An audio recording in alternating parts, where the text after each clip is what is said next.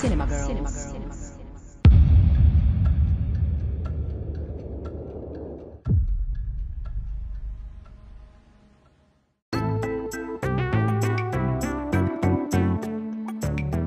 Vítáme vás u dalšího dílu našeho filmového podcastu Cinema Girls.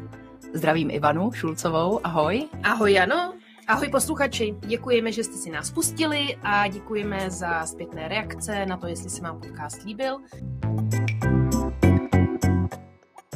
V souvislosti s tím bych chtěla dodat, že naše první posluchačka z Prahy nám napsala e-mail, ve kterém píše... Lekla, že dopis. Dopis ne, ale já ho mám tady, šustíme papírama, takže já si ho tady přečtu.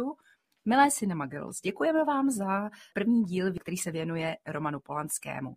Sice jsme se dozvěděli hodně o Romanu Polanském, ale nic jsme se nedozvěděli o vás. Mohli byste se nám představit? Tak Ivano. Takže já se jmenuji Ivana a Paní Ivana teda, jako ano. v pořadu Riskuj, paní Ivana. Ano, ano, ano, paní Ivana. Ne, eh, děkujeme moc posluchačce. Je to za... nějaká posluchačka z Prahy, posluchačka Haruna, takový docela nezvyklý. To takový jméno. typický... Takové japonské asi zřejmě, Typický že? japonský. A možná asi. i v Ázii už Kdy má poslala. asi svátek Haruna? Ona je jarní tráva, já jsem si to našla, Haruna, to znamená jarní tráva v japonštině, takže to bude asi na ten den, první jarní den. Ale nechme jí tedy spát. Děkujeme, Haruno, a příště zase s nějakými Děkujeme hezkými dotazy. A jestli máte i jiní posluchači nějaký dotaz, pište nám. Máme Instagram, Cinema Girls Podcast. Budeme rádi za zpětnou vazbu a... A založili jsme i YouTube. Tak si nás puste. Tak co bych tady řekla o své kolegyni, teda když se nás ta posluchačka Haruna takhle mile zeptala. Jana je filmový nechci říkat fanatik, ale fanoušek. No to ti teda děkuji. ona je i vystudovaná, ano, ona vystudovala FAMu a filmu se věnuje prakticky celý život. Řekla bych ji od mládí a to byste mi skoro nevěřili. Nicméně obě... Doufám, že to nebudeš sdělovat. necháme si to na nějaký speciál. Třeba o Václavu Vorlíčkovi, že? Ano, ano. Mám krásnou hudbu do podcastu poté. A je, je, je. Každopádně Pokračuj. Uh, takže obě tedy pracujeme v nejmenovaném médii. Médium. Mm, vyvoláváme hlavně seance v tomto médiu. A Jana se kromě sledování všech hororů, ale opravdu všech, věřte tomu, a samozřejmě jiných filmových žánrů, věnuje také průvodcovství. Je profesionální průvodkyně a má speciální, a opravdu vám to můžu doporučit, protože jsem byla už na dvou prohlídkách, speciální filmové procházky a věnuje se lokacím, kde se točil český film, ale i zahraniční film. Takže pokud byste teď v takový předvánoční čas eh, dostali chuť na nějakou romantickou procházku po starobylé Praze, doporučuji. Tak ale dost už reklamy. Já bych zase představila tady Ivanu, Ivanu Šulcovou. Ta, kromě toho, že pracuje v nejmenovaném médiu a má ráda filmy velice moc, tak ta zase se věnuje genealogii. Dokonce se tím i trochu živí, to znamená, ona je schopna napsat rodokmen v podstatě komukoliv. Mě dokonce napadlo v souvislosti s dnešním tématem, což je Martin Scorsese, že by nebylo na škodu vypracovat rodokmen tohoto režiséra a i jeho herců, protože oni mají všichni irsko-italsko-americký původ. Ivana kromě toho je spoluautorkou biografie léčitele Mikoláška, podle které, nebo ne podle které, ale na základě námětu, který napsal tvůj manžel, vznikl film Šarlatán od Agněšky Holland s Ivanem Trojanem v hlavní roli a my se doufám někdy Agněšce budeme věnovat. Já jsem pro. Tak pojďme, pojďme na, na to. Já bych tedy chtěla říct, Ivano, že když si minule řekla, že se budeme věnovat tomuto tvůrci, tak se mi trošku zastavilo srdce. A jestli pak víš proč? Protože ho miluješ? Není to tak. Ten Scorsese, Scorsese je samozřejmě velice kvalitní tvůrce, ale jeho filmy mají průměrně stopáž dvě a půl hodiny. Je to tak. A to mě vyděsilo. Takže ti děkuji za dva týdny bezesných nocí ve společnosti takových kabrňáků jako Robert De Niro, Joe Pesci, Leonardo DiCaprio a Harvey Keitel. Už se mi dokonce o Robertu De Nirovi vzdálo. Doufám, že ne, ale Miss Hrůza. Byla to Miss Hrůzy v kombinaci s kasínem. Takže tě nevezl v taxikáři. Bohužel ne. tak dobře. Takže, a teď už trochu vážně. Já mám na tebe, na tebe opravdu dotaz. Já ti děkuju, že jsi zvolila tohoto tvůrce, protože jsem si až teď teprve uvědomila, že když se na ty filmy díváš v kuse, tak mnohem víc porozumíš té jeho tvorbě, tomu, jak pracuje a jak se vlastně vyvíjí jeho styl a jak se vyvíjí i ty herci, kteří se tam proměňují do různých různých postav. Takže já ti za to děkuji a mám první otázku na tebe. Proč jsi z tohohle filmového režiséra vybrala zrovna jako druhého? Protože Romana Polanského, ještě abych se vrátila, jsem vybírala já proto, že to je jeden z mých nejoblíbenějších režisérů. Tak teď se ptám tebe, proč jsi vybrala Romana? Tak ten, uh, Martina. Tak ten důvod je tedy podobný, ano, je to můj oblíbený režisér, když se podíváš na jeho filmovou tvorbu, tak eh, samozřejmě, že tam má takové skvosty, které můžeš si vlastně pouštět pořád dokola. Ta stopáž je dlouhá, ale musím říct, že zase ten film docela ubíhá. Dřív ty filmy byly výpravnější, byly záběry dlouhé a tak dále, ale mělo to nějaký smysl, důvod a on je v tom úplná špička a řekla bych, že ho akorát tak všichni napodobují.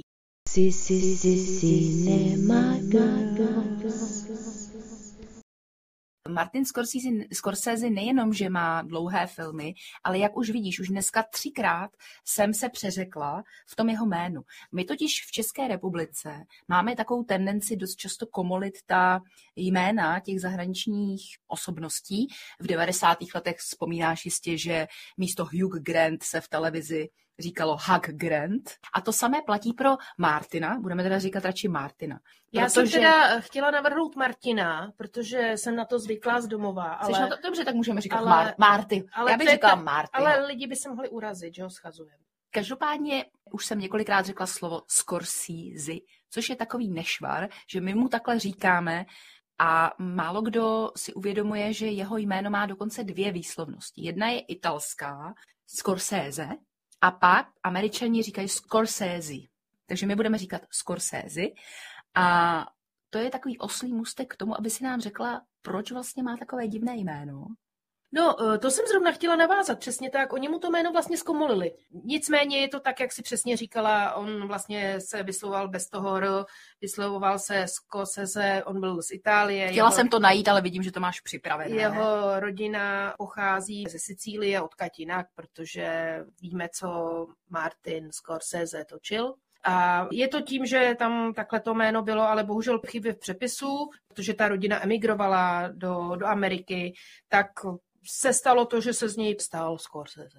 Jeho prarodiče z obou stran, z matčiny i z otcovi, jsou Siciliané, skuteční Siciliané, ale rodiče už jsou Američané. A dokonce jeho maminku, Katrin, můžete vidět i v několika filmech. A myslím, že i tatínka, že, I tatínka, jo. maminka hodně, ale že on je tam vždycky oba nastrčí, tak jako tam nastrčí sám sebe.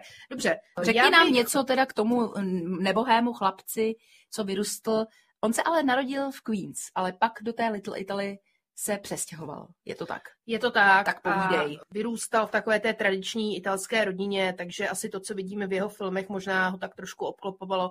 Taková ta velká rodina, ty jídla, jak on vždycky dělá ty záběry na ty všechny špagety a tyhle ty věci.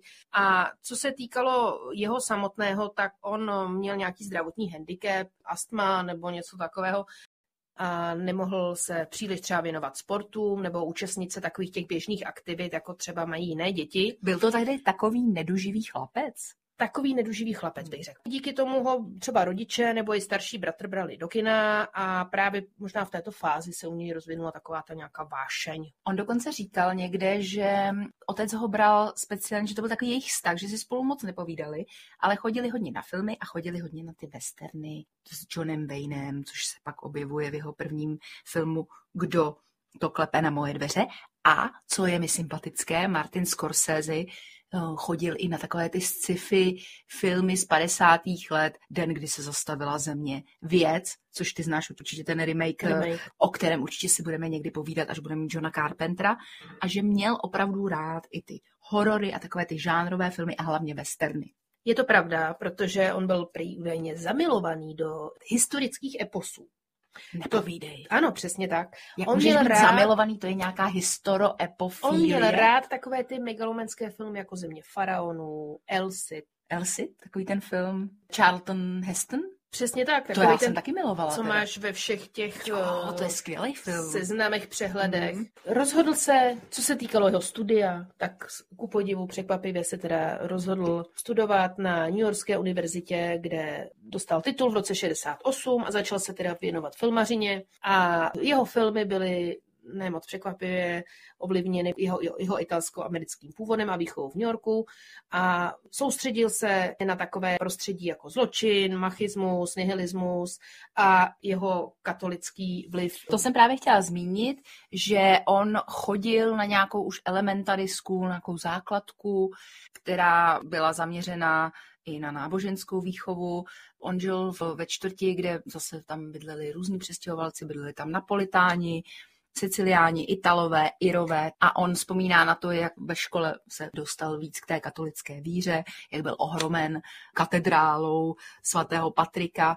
A to téma takové té morálky katolické, naopak to potlačování různých pudů, to je docela časté právě v těch jeho původních filmech, teda prvních, jako třeba Kdo to klepe na moje dveře, což je film z roku 67, kde Harvey Keitel, což je první jeho herec a divila by ses, on hrál v šesti jeho filmech. Já, ano. Šesti, no, šesti, ano, dokonce ano. i v Irčanovi.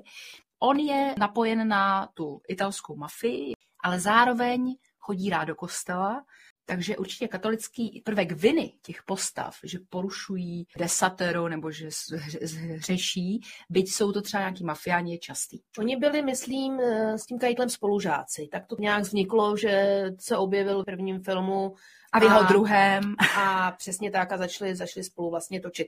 Co by si ještě eh, zmínila k těm jeho prvním filmům? Pak ten zmíněný, který bychom měli, je možná v tom roce 73 Špinavé ulice? Nebo... Určitě. Špinavé ulice je takový první úspěšný film, který šel do distribuce v roce 1973, kde vedle hlavní postavy, kterou je opět Harvey Keitel, tak se objevuje poprvé i Robert De Niro. No a ten film je docela takový, docela zaznamenal úspěch, protože nabízel takovou tu syrovost. Syrovost těch špinavých, skutečně newyorských ulic, toho podsvětí, těch gangů, toho, jak je to vlastně hnusný. To není ten New York, který ty znáš z tvého oblíbeného seriálu Sex ve městě, takový ten nablízkaný. A co je zajímavé, že šest dnů natáčecích se točilo v New Yorku, jinak se to točilo v LA. Jo, takže tam z toho New Yorku je tam málo. Je to tak. A on se točil pouhých 27 dní, což vlastně je docela i unikum. Samozřejmě měl nějaký menší rozpočet. A film, který oslavuje New York, jak si zmínila, tak je točen v Los Angeles, což je samozřejmě trošku kuriozita. A je tam i nějaká poměrně známá scéna právě, která se odehrává v kolečníkové herně. Také, když si třeba jenom hodíte do YouTube kousek tohoto filmu, tak vám tam možná vystane ukázka, kdy Keitel má takovou jako opileckou scénu a je to teda hodně zajímavá opilecká scéna. On tam vlastně jde, jde a pije. Mm-hmm. A tam je zajímavý, jak scénu vytvořili, tak tu kameru to máš pravdu, měl připomněnou na těle a potácel se s ní. Klidně si to puste, je to docela zajímavý. Už vlastně ten první film, kdo to klepe na moje dveře, který je docela taky brutální, jo? tam jsou takové už ty zpomalené scény, eh, rvačky. Eh, hlavní hrdina není úplně kladný, byť je tedy katolík, tak on je docela zlý na svoji partnerku, kterou tam potkává. Je to film o lásce, můžeme říct a on potkává krásnou dívku, ona se mu svěří, že je ještě pana, protože Kdysi její první přítel se pokusil v autě znásilnit. Ta scéna je tam pak v retrospektivě ukázána. A co byste čekali, že Harvey Keitel udělá? On se na ní naštve, že je děvka a poté po několika dnech řekne, tak já ti tedy odpouštím. A ona se na něj podívá a říká, co ty mi máš co odpouštět, že se mě pokusil můj první přítel znásilnit. Ta postava rozděluje ženy jenom na dvě kategorie a to jsou počestné ženy a druhé jsou pro něj prostitutky. A dokonce tam je i jedna sekvence, která tady byla dotočena až snad rok nebo dva roky potom, co ten film byl natočen a byl to požadavek distributora, aby tam byly nějaké explicitní sexuální scény, tak s výrazně starším Harvey Keitlem byla natočena taková postelová sekvence, kdy on tam souloží asi s 20 ženami různé národosti, různé pleti. Eh, po sobě tedy samozřejmě, není to swingers, a tím jsou ukázány ty jeho představy, že on sice je katolík, ale má šílené představy o tom, jak, má, jako, jak se účastní orgí a tak dále. Takže ten film je, je to podsta i francouzské nové vlně, je to z toho docela poznat, je to černobílý film a potom podobný film, tedy Špinavé ulice v roce 73, kde se poprvé objevuje, jak už jsme říkali, Robert De Niro. A Robert De Niro to byl takový herec, který začínal ve filmech jiného režiséra, generačně stejného jako Scorsese, a to je Brian De Palma.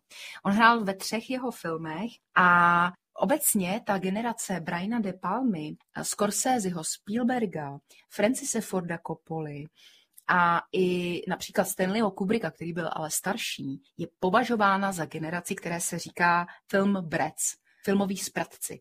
Jsou to autoři, kteří pod vlivem hippies a různých těch vůdstoků se začali profilovat jako takový rebelové oproti tomu sevřenému studiovému americkému filmovému průmyslu. Oni přinášejí do těch filmů takovou tu skutečně tu novou vlnu ukazování toho, jaký ten život skutečně je, že je plný drog, že je plný násilí, že je plný gangstrů, že je plný prostitutek a že lidi nejsou takový, jak je líčil do té doby Hollywood. Proto se tomu říká New Hollywood, nový Hollywood a těmhle těm režisérům dnes už tedy starším pánům, většinou 80 letým, se říkalo zpraci, protože oni samozřejmě holdovali alkoholu, holdovali drogám, pořádali různé večírky a zároveň točili velice neotřelé filmy, které se staly tím zlatým fondem té dnešní kinematografie. A kdyby nebyl Scorsese, tak podle mě není ani Tarantino, nebo kdyby nebyl i Brian De Palma, protože Tarantino odkazuje velice a používá ty metody Scorseseho nebo Brian De Palmy nebo Sergio Leoneho. Tak, teď jsem mluvila nějak hrozně dlouho, takže teď prosím. Tak uh, napij se, ano, ať ti nevyschne v hrdle. V roce 74 je snímek uveden do kin, Alice už tu nebydlí. Je to vlastně film, který je první mezinárodní úspěch Martina Scorseseho a díky němu se pak dopracoval k pozdějšímu úspěšnějšímu filmu Taxikář, protože samozřejmě už si vybudoval tu svoji pozici a tak dále. Tento snímek byl nominován na tři Oscary. Na hlavní roli byla původně navržená Diana Ross anebo Barbara Streisand, ale ta se například pro něj cítila příliš mladá, takže této role se nakonec ujela Ellen Burstyn. Výborně. A možná tě zajímá to, že ona snad oslovila toho Scorseseho právě s tím scénářem, takže ona sama přišla, že ten film chce natočit, ona už tehdy byla velká hvězda a nakonec to točil Scorsese, který ale do té doby, jak už jsme naznačovali, měl zkušenosti pouze s filmy, ve kterých byl tou hlavním hrdinou muž. On umí velmi dobře režírovat muže a ty příběhy jsou většinou o e, mužích. Ale tohle, jako jedna z mála výjimek, je film, kde skutečně silná filmová hrdinka, žena, kterou bije její manžel, opět to násilí, domácí násilí je častým prvkem jeho filmu. A on nakonec, eh, nebo nakonec, na začátku filmu zemře a ona se osvobodí. A je to taková road movie muzikálová, kdy ona jede tou Amerikou se svým 12-letým synem a různě se probíjí životem, chce se stát zpěvačkou a pianistkou a nakonec potkává krásného Kristofa Christophersona, což je americký herec a hudebník. A taky tam hraje Harvey Keitel, což nás nepřekvapí. Násilí. A Harvey Keitel, teda, já jsem si tu scénu musela pouštět dvakrát. Mě to úplně fascinovalo, jak on z mladého, opravdu šarmantního nápadníka, té Ellen Burstyn, která je ale mnohem starší v tom filmu, stane takovou zrůdou, která opravdu brutální násilní, který bije ženy. Je tam taková scéna, kdy on opravdu zmlátí a ona pak utíká se svým synem dál. Takže to je takový ten prvek, to násilí na těch ženách. Dneska se to možná kritizuje, že on vlastně glorifikuje násilí. Ale není to úplně pravda. On si prostě vybírá postavy, které jsou nějakým způsobem narušené a které jsou na hraně zákona, na hraně nějakého nervového zhroucení a ty pozoruje. A on prostě neupravuje nějak tu realitu, jo? ale neznamená, že by to glorifikoval. Je zajímavý i tím ten film, že tam hraje ještě mm, před taxikářem Jodie Foster. Mladinka. A velice mladinka a malou roličku. A to si tak otevřela, takže já bych teď možná navodila tu atmosféru, že bychom si mohli pustit krátkou ukázku filmu, který přijde teďkon, což je film Taxikář. Loneliness has followed me my whole life. Everywhere. Bars and cars, sidewalks, stores, everywhere. There's no escape God's lonely man. V roce 1976 točí Scorsese vlastně jeden svůj, svých prvních nejúspěšnějších filmů a to je film Taxikář. Jenom bych možná na úvod dodala, že jeho pozdější oblíbený herec Leonardo DiCaprio tento film považuje za svůj druhý nejoblíbenější. A ano, Jano? A já bych tomu dodala, že režisér Quentin Tarantino dokonce tvrdí, že to je nejlepší film 70. let. Ve filmu se teda objeví opět Harvey Keitel a také mladička Julie Foster, nad kterou, protože je opravdu mladička, jí méně než 18 let, museli dohlížet její vlastní rodiče. A... Nepovídej, to jsem nevěděla, jsem si právě říkala, jak to udělali, když jí bylo 13. Dokonce bylo nějaké sezení, kde posuzovali, asi psychologové, nevím, jestli tento film je vhodný, aby jí nenarušil budoucí další život. A, a byl to podle mě i skandál, že se řešilo, jak může takhle mladá herečka hrát ve filmu prostitutku, ještě ke všemu tedy 12 letou. A já jsem si donedávna myslela, že Jodie Foster jenom vypadala mladě a že jí určitě bylo minimálně 17, ale skutečně mě překvapilo, že jí bylo 13 a dokonce má narozeniny dva dny po Martinu Scorsese, má narozeniny 19. listopadu, čili letos jí bylo 60 let. No, to by člověk neřekl. A zřejmě, dobře. zřejmě své zkušenosti z tohoto natáčení, nevím, do, na kolik jí to traumatizovalo, ale určitě pak využila později ve svém Oscarovém filmu Znásilnění, bych to tak typla. Jinak, eh, kdo jste taxikáře neviděl, tak hlavní roli má Robert De Niro, což je větnamský veterán, který pere zákon do svých rukou a chová se tak podle toho, nechá se zaměstnat v klasické taxikářské firmě, on opravdu jezdí tím klasickým newyorským žlutým taxíkem. A on skutečně, aby se skutečně naučil tu roli, tak jezdil taxíkem a dokonce v nějaké Saturday Night Show nebo Jimmy Fallon Show řekl, že jednou takhle mu nastoupil zákazník a normálně ho poznal, že jo, a říkal, OK, tohle jako asi není taxikář, to je prostě Robert De Niro. Ale jako neřekl nic ten zákazník, nechal, nechal se odvést, takže ví, že Robert De Niro se připravuje na ty své role. Jeho filmy dokazují, že se doslova proměňuje do těch postav. Je to pravda. Prý během toho studoval psychické poruchy lidí, což je pravda, že v tom taxíku asi člověk uvidí hodně věcí. Naučil se dokonce i se zbraněmi a vyplývá to asi i z toho, že on navštěvoval v mládí také filmovou školu, která se zaměřovala na takovou tu takzvanou divadelní metodu, která se nazývá Stanislavského metoda. A to je metoda, kdy ty uh, herci nereprezentují tu postavu, nepředstírají, ale oni se tou postavou buď na jevišti nebo ve filmu skutečně stávají. A to je možná důvod, proč ten Robert je takhle úspěšný, že on se skutečně stane tou postavou a ty mu věříš všechno, co on dělá. Ještě jsem vlastně e, nedopověděla pointu toho samotného taxikáře, toho filmu, kdy tedy on jezdí v noci tím New Yorkem, projíždí té ulice a je zhnusen z toho, jak to tam vypadá, on vidí jenom tu špínu, jezdí v těch nejhorších čtvrtí a zažívá různé situace, vidí násilí, vidí prostitutky, opilí lidi, drogy a tak dále.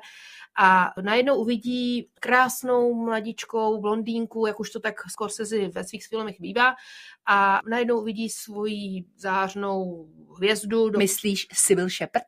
Přesně tak. Z Moonlightingu. Přesně tak. A tak se tak přepne a má pocit, že najednou je tam nějaké světlo, takže spolu se pokusí navázat nějaký blížší kontakt. Samozřejmě to, to nedopadne, protože tam je ta známá scéna, že on na druhém rande pozve do pornokina, což eh, teda... Což ale zase v té době nebylo zase tak výjimečné, protože v té době už byly ty filmy typu uh, Deep Throat, Hluboké hrdlo, což byly erotické filmy, ale na které chodili ty páry. Skutečně na to chodili. Takže... Tak oni to tam, oni to tam tak i říká. On jí říká, On si já to snaží jsem, vysvětlit, ano. Já jsem nevěděl, že to je vlastně takové jiné kino, ale... Ale je to to kino, ano. A od té doby ona pracuje pro kandidáta na prezidenta, je tam taková politická linka v tom filmu a on se teda radikalizuje a rozhodne se teda, že něco udělá v tu chvíli a teď si opatří asi 10 zbraní hmm. a Jana možná řekne o tu scénu. Ano, tam je scéna a to vypovídá i o tom, jak Scorsese pracuje s herci. On je totiž dost často nechává nejenom improvizovat, ale občas i zasahovat do scénáře. Když se jim něco nelíbí, tak oni třeba jsou autory těch replik a tam je slavná scéna, kdy postupně stále se zhoršující postava taxikáře Trevise, který je opravdu na hraně nějakého šílenství, mluví sám na sebe do zrcadla a sám na sebe míří tou zbraní.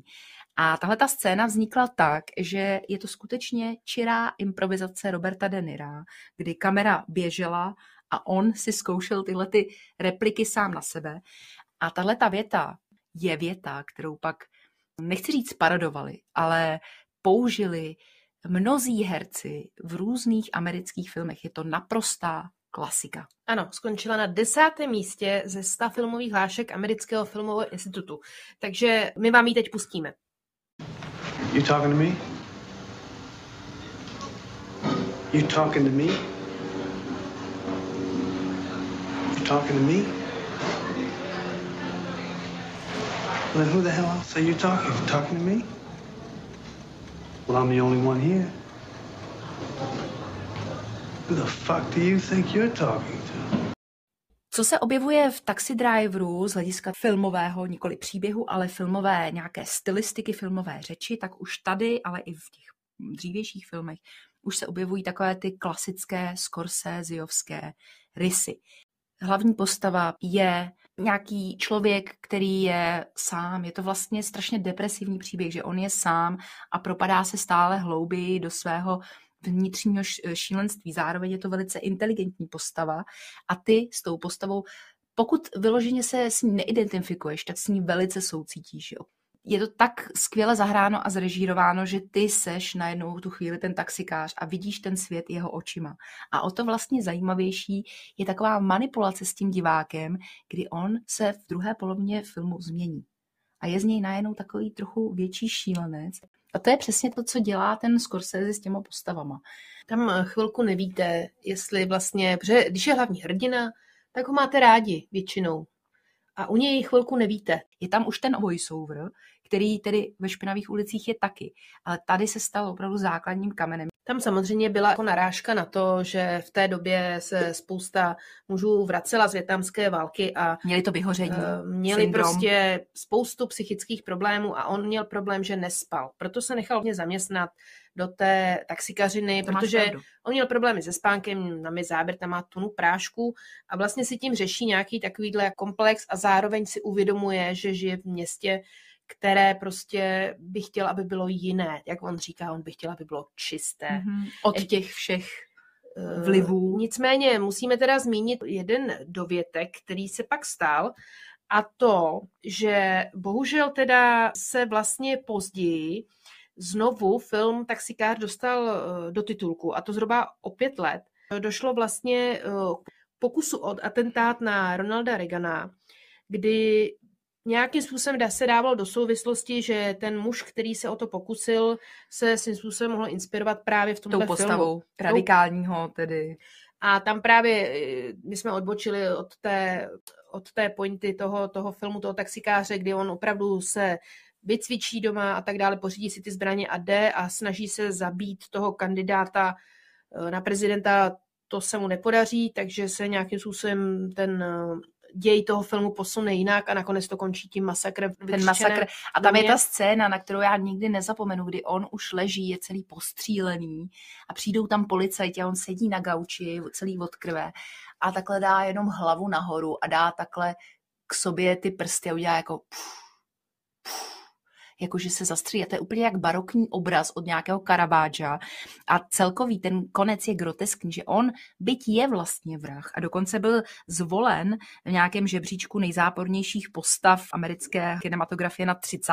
místě, takže je to vlastně záporná postava, tak on nakonec se stane hrdinou Protože on pomůže té Jodie Foster, že?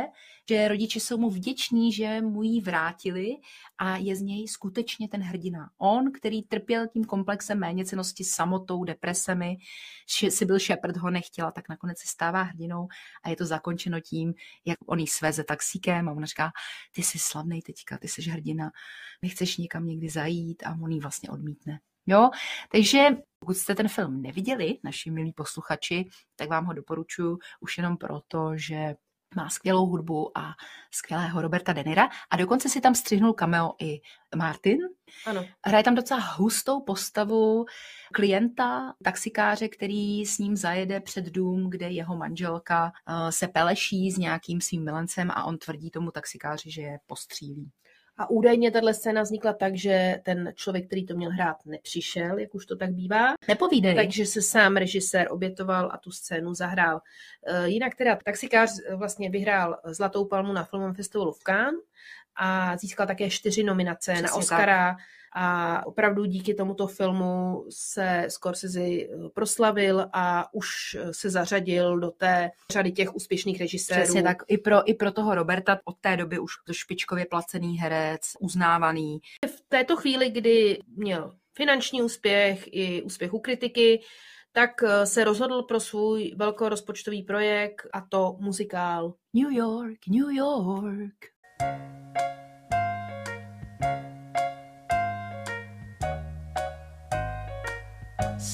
Start spreading the news.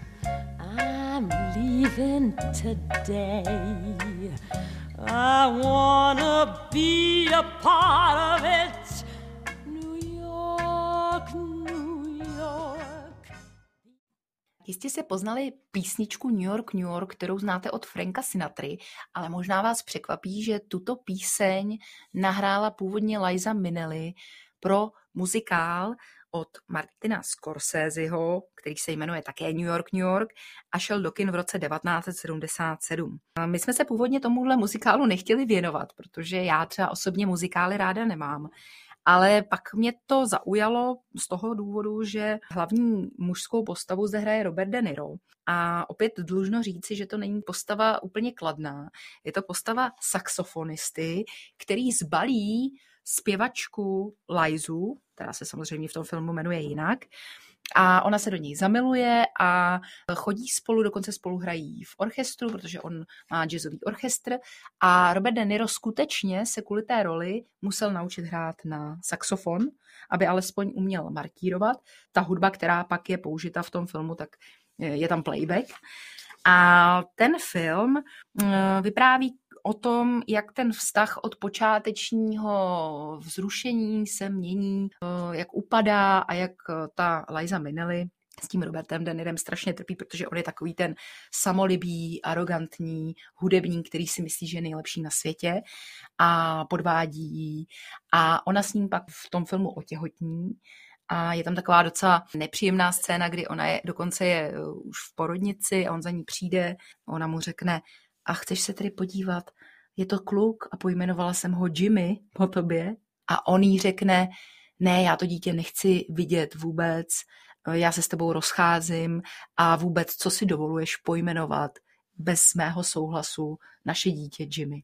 Jo, takže on z toho počátečního okouzlujícího, šarmantního, byť lehce arrogantního sympatiáka se stane takovýmhle vlastně slabochem, a taky je tam ten motiv stejný jako v taxikáři, že on se k ní chce vrátit po několika letech, kdy už to dítě je, eh, je mu šest nebo sedm a ona ho odmítne velice takovým šarmantním způsobem. A tenhle ten film eh, zmiňuju hlavně proto, což nám pak ty Ivano řekneš v podrobnosti, že už během natáčení tohoto filmu měl režisér velké problémy s drogama. Dokonce se říká, že během natáčení byly velké problémy mezi všemi zúčastněnými, mezi Lajzou a Martinem, i mezi Robertem a Martinem, kteří jsou jinak kamarádi. A to proto, že on opravdu bral ten kokain, a dokonce to došlo i tak daleko, že eh, v jedné chvíli musel být zastoupen nějakým, jako na chvíli musel být zastoupen nějakým jiným režisérem. Takže se to protahovalo, bylo to velice drahé, ten film, a ve výsledku to byl finanční propadák. Chceš k tomu něco dodat? Chci k tomu dodat, že bohužel, jak to tak bývá, když jste nikdy nehoře, tak jste bohužel pak i dole. A to se stalo i Martinu Scorsesim. On vlastně neúspěch tohoto muzikálu New York, New York eh, nepřijal, asi se s tím i těžce popasoval. Eh, samozřejmě způsobem možná i nějaká finanční neúspěšnost v tom byla. Rozhodně teda se u něj v pozdější době projevila závislost na kokainu a bohužel teda se mu rozjeli nějakým způsobem psychické problémy, měl deprese a následovalo i v souvislosti s tím jeho úspěchem a tak dále, i takové to období těch večírků, můžeme si to asi sami domýšlet a tím, že on jako nebyl úplně, jak jsme už říkali, v mládí, takový ten sportsman a tak dále, řekla bych spíš, že měl to křehké zdraví, tak se to tak u něj asi všechno potkalo, že se asi úplně sesypal a skončil eh, díky. Dokonce se snad i předávkoval. Je to, je to možné a podle nějakých informací nebo pamětí měl skončit samozřejmě i eh, v nemocnici s hospitalizací. V roce 78. Měl nějaké jsem. zdravotní problémy, snad nějaké vnitřní krvácení a údajně, nebo tak se to tak vykládá, že mu si způsobem život v tu dobu zachránil kdo jiný než jeho hlavní hrdina, jeho posledních rolí, což je teda Robert De Niro, který za ním přišel do té nemocnice, nemocnice kde on byl a vlastně mu ukázal, příběh bývalého mistra světa v boxu ve střední váze. Byla to teda známá kniha, o kterém se pak později rozhodl Scorsese natočit film, tak ho ten příběh zaujal. Byl to tedy boxer Jake LaMotta, mistr světa nebo šampion ve střední váze, který sám... Mistr eh, světa v boxu ve střední váze. Vynikající, ve střední váze, který sám napsal autobiografii, životopis, životopis Jake LaMotta, a sám se podílel na vzniku filmu jako poradce pro ty různé ty boxerské scény. Tam ten film je známý tím, že kromě toho, že to je skvělá kamera, tak jsou tam úžasné ty choreografie, ty boxerské, ty záběry, které jsou eh, ze spoda natáčené, což je jinak docela zvláštní, protože jinak, jestli jsi všimla, tak Martin Scorsese hodně točí v úrovni očí. Ale tady to je jiná situace, vidíš, tady máš zrovna scénu. Kromě toho eh, Robert De Niro musel dost změnit svůj zjev, zejména když jsou tam ty scény, kdy Jake LaMotta mm, přibral na váze a je takový otylý, tak se udává, že Robert De Niro přebral asi 23 kilo. A předtím musel samozřejmě hodně boxovat. Ten film bych zmínila i v souvislosti s tím, že jako střihačka s ním začala spolupracovat se Scorsesem Telma Schoonmaker, což je jeho spolužačka, která dělala už jeho debit a od Zuřícího býka skutečně každý jeho film stříhala a má na svém kontě taky bezpočet Oscarových nominací. Možná by si mohla zmínit, jestli je ten snímek barevný nebo černobílý. A to tě překvapím. Všichni si myslí, že je jenom černobílý a on skutečně černobílý je. Je to dáno asi tím, že samotný ten příběh se točí mm, zejména kolem událostí, které jsou ze 40. let, zejména roky 46, 47, takže je to určitě dáno i tou estetikou, že tehdy byly taky černobílé filmy. První barevné filmy byly až později. Překvapí tě ale, že do toho mm, filmu jsou napasovány občas záběry domácího videa, kdy on se třeba žení, nebo jeho bratr se žení, nebo někam jedou a ty jsou barevné. Takže je to taková kombinace. Ten film je opět kultovní záležitostí. Vyčítali mu, že zobrazuje příliš násilí, že opravdu ta postava toho zuřícího býka je lehce sadistická, ale zároveň i lehce masochistická. On třeba dělá takové věci, ten Jake LaMotta, že před zápasem nesmí mít sex se svojí ženou, ale ona ho samozřejmě svádí a on pak, aby vydržel, aby opravdu se dal do formy, tak poté, co ona ho svádí, tak on se od ní odtrhne a jde si nalít do rozkroku ledovou vodu s ledem. Nebo když eh, má špatnou náladu, tak vyzve svého bratra, kterého hraje Joe Pesci, aby mu vrazil a on mu vrazí asi desetkrát. Takže je to vlastně taková sadomasochistická postava tím, že on sám je velmi násilný a jsou tam scény typu scéna Did you fuck my wife, ze které si za chvilku pustíme ukázku.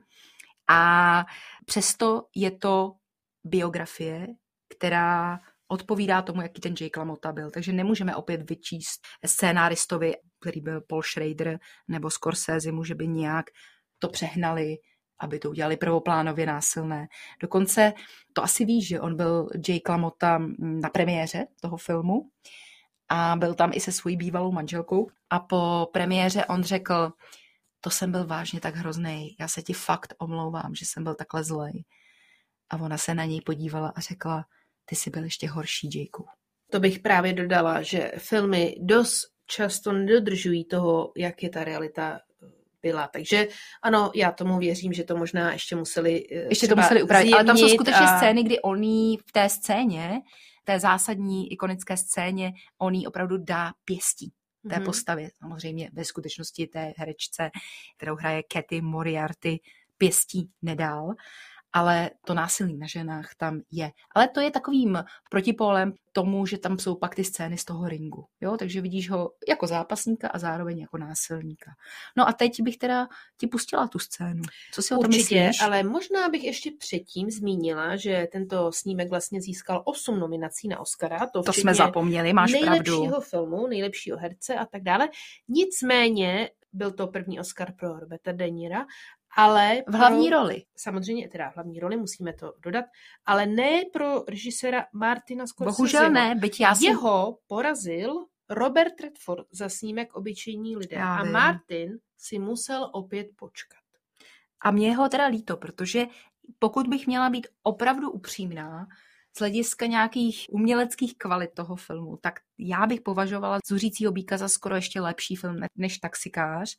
Ty si říkala, že Robert De Niro dostal svého jediného, vlastně musíme říct, jediného Oscara za eh, výkon v eh, hlavní herecké úloze, ale musíme zmínit, že už v roce 74 on dostal Oscara, tehdy jako velice mladý muž, ani ne 30 letý, dostal Oscara za vedlejší roli ve filmu Kmotr 2.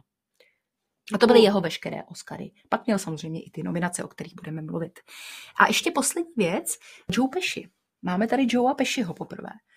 Víš, jak tomu došlo?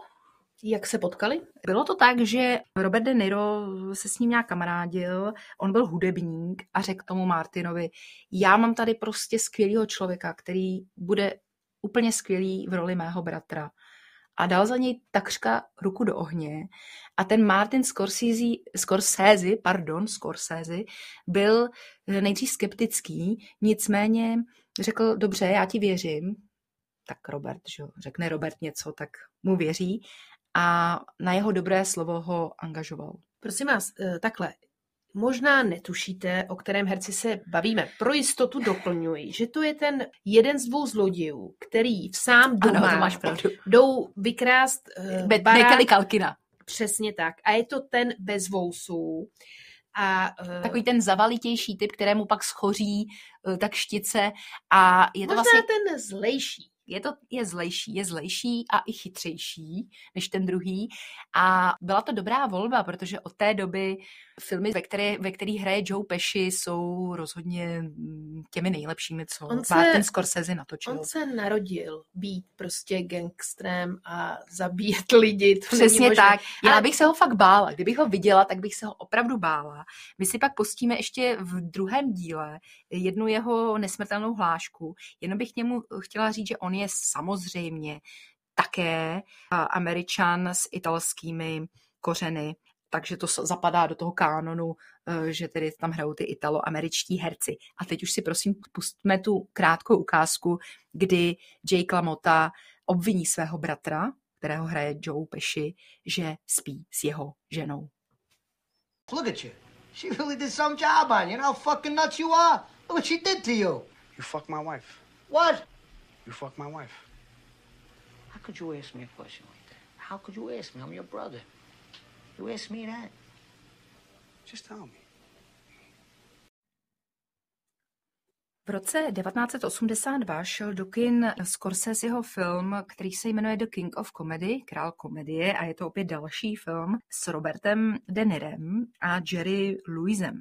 A zajímavé na tom filmu je, že v mnoha filmech, který hraje Robert De Niro, hraje i jeho tehdejší manželka Diane Abbott, kterou byl ženatý asi 10 let, mají spolu syna a ona většinou hrála vedlejší role ve filmech, kde hrál Robert De Niro. A tohle je takový zajímavý předěl, on zde hraje úplně jinou postavu, než na kterou jsi zvykla. On zde hraje takového přiblblého, nebo přiblblě vypadajícího stand-up komika, který se snaží prosadit v jedné televizní show jistého Jerryho Langforda, což je komik, kterého hraje Jerry Lewis a vůbec se mu to nedaří.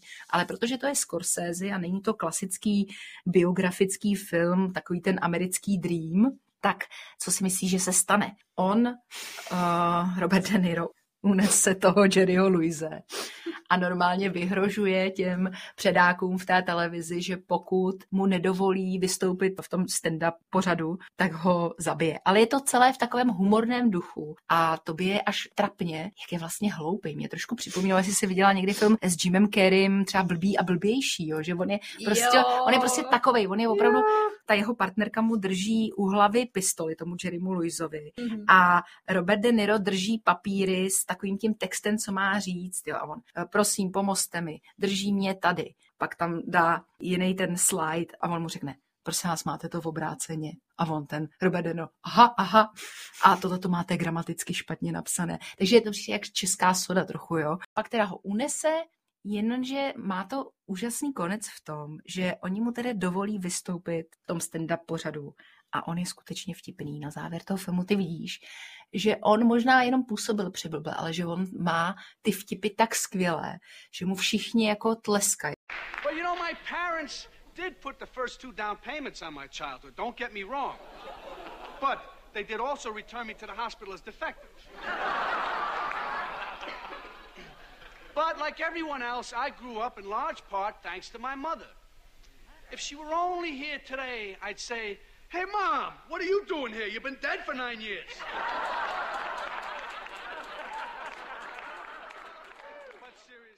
Každopádně na konci on jde do vězení, dostane 8 nebo 6 let za, za, za únos a vydírání, ale pustí ho za dobré chování po třech letech a okamžitě se stane světoznámým v roce 1985 pak točí film po zavírací době, což je černá komedie, je to vlastně nějaký sled bizarních událostí, jež zažije osamělý úředník během jedné noci a pak v roce 86 já bych jenom k tomu řekla, povídej, že ten film dostal Zlatou palmu v Cannes jak my říkáme, v Kánově. Což je A ještě tam hrála, když jsme se bavili o uh, filmu Sám doma, tak tam hraje malou roli herečka Catherine O'Hara, kterou znáš jakožto maminku Kevina McAllistera ze už, Sám doma. Už jsme zase u Sám doma. Je to prostě Sám doma je nejlepší. Blíží se Vánoce, takže Sám doma. Určitě na něj někdy dojde.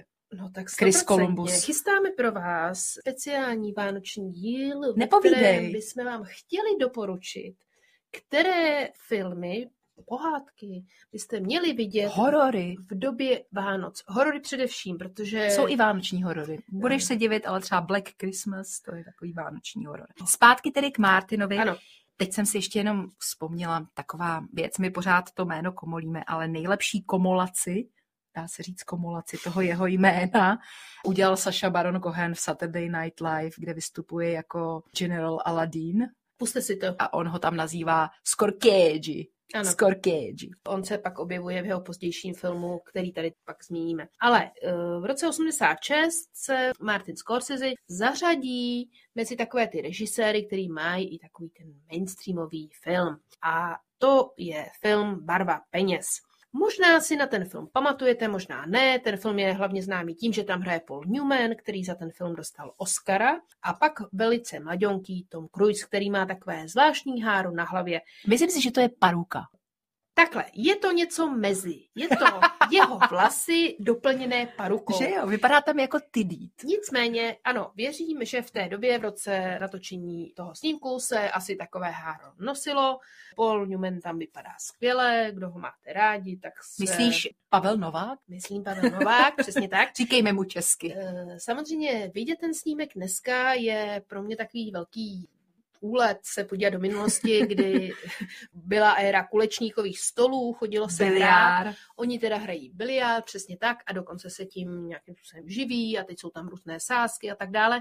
Odehrává se to v různých hernách.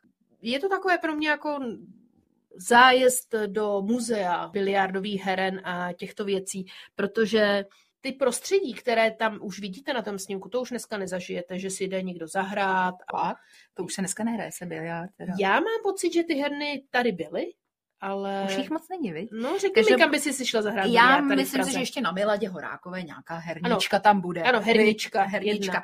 Ale pro mě teda bylo dost těžký ten film sledovat. On má teda opět eh, pouhé dvě hodiny, ale pro mě to bylo opravdu těžké sledovat film o biliáru. Musím teda říct, že jak Paul Newman, tak Tom Cruise prošli, opět jak to bývá u těch herců, které hrají ve filmu Martina Scorsese, jakýmsi zaškolení, takže oni opravdu v těch scénách drží to tágo, šťouchají do těch koulí a tak dále. Je tam teda jedna nějaká scéna, která je hodně, hodně těžká, to znamená, že jedna koule přeskočí druhou kouli. Jo, to jsem, to jsem si. A to opravdu už teda Tom nezahrál, ale tím vlastně pomáhal tehdy nějaký extra super prostě šťouchač koulí, který v té, do, v té době v Americe působil. Takže měli opravdu odborné poradce a snažili se, aby to vypadalo věrohodně, aby to vypadalo dramaticky, když ta koule letí, jestli se trefí nebo ne. Jako za mě jsou ty záběry docela zajímavé, pěkné, protože jsem netušila, že se dá takhle jako hra v kulečníku takhle pěkně vlastně natočit. Ale jak říkám... jako to umí jenom skuteční majstři ale... Eh, natočit o takovémhle sportu opravdu jako film, který dokážeš ale... dvě hodiny sledovat. Ale no. beru to tak, že v té době opravdu se uh, biliard hrál a... Biliard? Bliard, bliard taky. Bliard. A bylo to populární, samozřejmě dneska ty, eh, dneska nevím, jestli chodí hrát mladí Nevím, lidé, nevím, ale biliard. rozhodně Paul Newman za tuto roli dostal Oscara. To jsem, to jsem Což zmiňovala. je trochu zajímavé, protože on uh, určitě má na svém kontě, jak to řekla kulantně, lepší snímky, lepší výkony. A tady naopak si myslím, že hraje velice zdrženlivě, až jako rezervovaně, ne, určitě nerozehrává celou paletu svého hereckého potenciálu, což působí jako pěst na oko vůči tomu naopak poněkud střeštěnému tomu Cruiseovi, který zase jako hraje až moc, jo. Bych řekla skoro, že až přehrává. přehrává. A ale dobře, oni mu to snad dali, ty si to nějak zjišťovala, že za prvý on byl už nominován za film, no kde no hrál totožnou tu roli. Právě, on je to ten... vlastně no. remake. Tento film je z roku 61, Jeden z mnoha Hazardní hráč a Paul v té době na to také získal nominaci. Paulu Newmanovi dali rok předtím, v roce 86, takového toho čestného Oscara, protože si asi zřejmě uvědomili, že mu nikdy žádného Oscara nedali. A rok na to teda mu dali i regulérního Oscara. Tohle no. je ten paradox těch Oscarů, kdy my už tady s Janou víme, kdy my už to víme. Martin Scorsese dostane svého Oscara a e, že by člověk taky si říkal, tak už ho asi měl dostat. Blížíme se ke snímku, který velice podrobně s Janou rozebereme, ale já bych dala jednu drobnou hudební ukázku.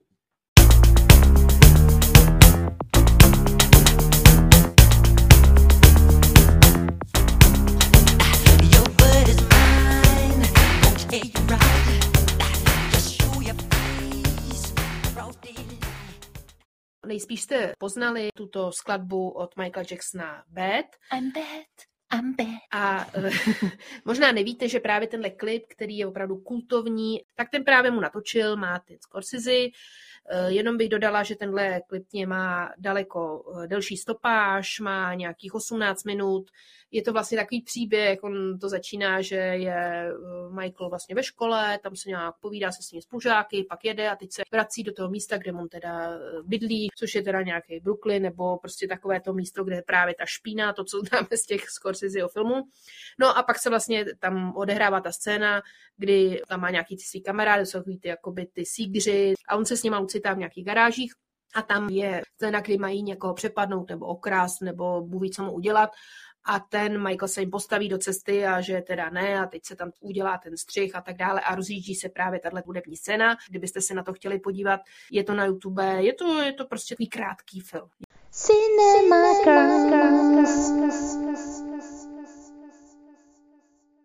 Já bych chtěla říct, že se blížíme pomalu eh, ke zdárnému, doufejme, konci našeho prvního dílu o tomto režisérovi. My si uvědomujeme, že není možné zdaleka eh, pokrýt veškerou jeho tvorbu v jednom díle, tak jak jsme to udělali minule, eh, že ta stopáž hodina půl je těžce poslouchatelná, takže proto jsme se rozhodli, že tohoto tvůrce rozdělíme na dva díly a dnešní díl zakončíme jeho opusem, zdalo by se tak říct, a prvním dílem jeho volné religionistické trilogie, a to sice filmem The Last Temptation of Jesus Christ, poslední pokušení Krista, což je film, který by se dalo říct, eh, není vůbec uh, inspirován nebo není nějakou adaptací nového zákona, jak by se to tak zdálo. Dívala by ses ale i třeba na YouTube jsou některé recenze, že jako to je vlastně podle Bible. Ne, tak to vůbec v žádném případě není podle Bible, proto to byl velice kontroverzní snímek. Je to naopak podle knihy od jistého řeckého spisovatele Nikose Kazanzakise, který trošku mění ten příběh o tom ukřižování. Je to tak Tedy, vlastně ano? tento film nějako má odhalovat nebo rozkrývat duševní rozpolcení doprovázející Ježíše Krista na jeho cestě při hledání životního poslání. A dokonce uh, se tam spochybňuje i taková ta záporná role Jidáše, kterého hraje Harvey Keitel a podle té knižní předlohy to vychází tak, že Jidáš se domluvil s Jesusem, že on ho udá, aby on právě mohl být ukřižován, takže on vlastně není ten zlý zrádce, který by ho podrazil, ale on je ten, který v podstatě na přání Ježíše ho udá těm Římanům a oni ho pak vyšetřují. Piláta Ponského tady hraje David Boví, což je velice jako pěkné cameo.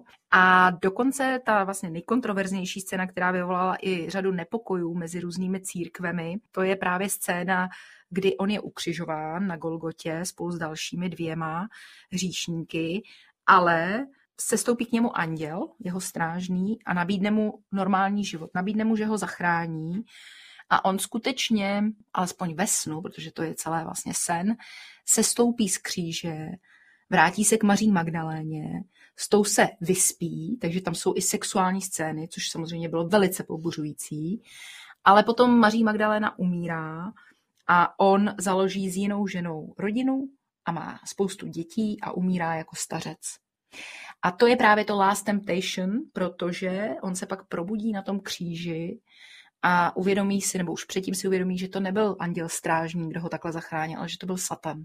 A že právě on ho pokoušel, ale on si to uvědomil a tím pádem se nechá ukřižovat a už nemá pochyby o tom, že tedy bude trpět za celý ten svět. A samozřejmě to, že tam on je vylíčen jako člověk, nebo bohočlověk, který ale má třeba souloží s ženami, jo, má takové ty, um, takové ty lidské projevy. To bylo velice nepřijatelné pro spoustu nejenom katolíků, ale i pro ty celé církve. No proto nejspíš teda Líbilo se ti to, viď? 2006 byl tento film zvolen čistým nejkontroverznějším filmem všech dob a vlastně eh, se i třeba staly takové eh, věci, že v roce 88 ukradli kopii filmu určenou promítání v kině a neznámí pachatelé plátno dokonce rozřezali. Jo, že oni chtěli Los, i skoupit nějaké Los, a úplně zničit, že jo? Los Angeles poničili vlastně vybavení kina. Italský režisér Zeffirelli označil film za produkt židácké kulturní ano. spodiny z Los Angeles, která se vyžívá příležitosti k útoku na